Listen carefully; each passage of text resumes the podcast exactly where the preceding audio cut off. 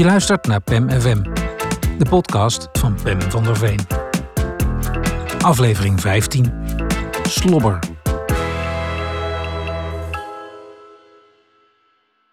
Ik heb wel een heel grote hond, had de vrouw gewaarschuwd. Toch ben ik niet geheel voorbereid op het kalf dat nu in de gang staat. En evenmin op het enthousiasme waarmee hij zijn enorme kop in mijn kruis duwt. Tor, af, beveelt de vrouw. We nemen plaats aan de keukentafel. De hond komt dicht naast me staan. Als ik mijn hoofd draai, kijk ik hem recht in zijn ogen. Hij doet niks hoor, verzekert zijn bazin me. Hij is heel vriendelijk. Wijfelend klop ik het beest op de rug. 75 kilo vriendelijkheid. We beginnen het gesprek. Als ik een vraag stel, legt de hond zijn kop op mijn schouder.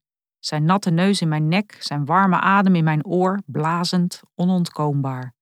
Aftor, roept de vrouw weer. Ze pakt een doekje en veegt mijn schouder af.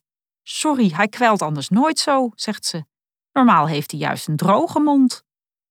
Nu begint de hond langdurig aan mijn bovenbeen te ruiken. Een sliert slobber tekent zich af op mijn lamswollen broek. In een falende poging zijn kop weg te duwen, raakt ook mijn mouw doordrenkt. De vrouw legt het vaatdoekje voor me neer. Tor, af, zegt ze nog maar eens. Ik probeer de natte plekken op mijn lijf te negeren. Bij het afscheid staat de hond in de deuropening. Hij kijkt me na met een spijtige blik.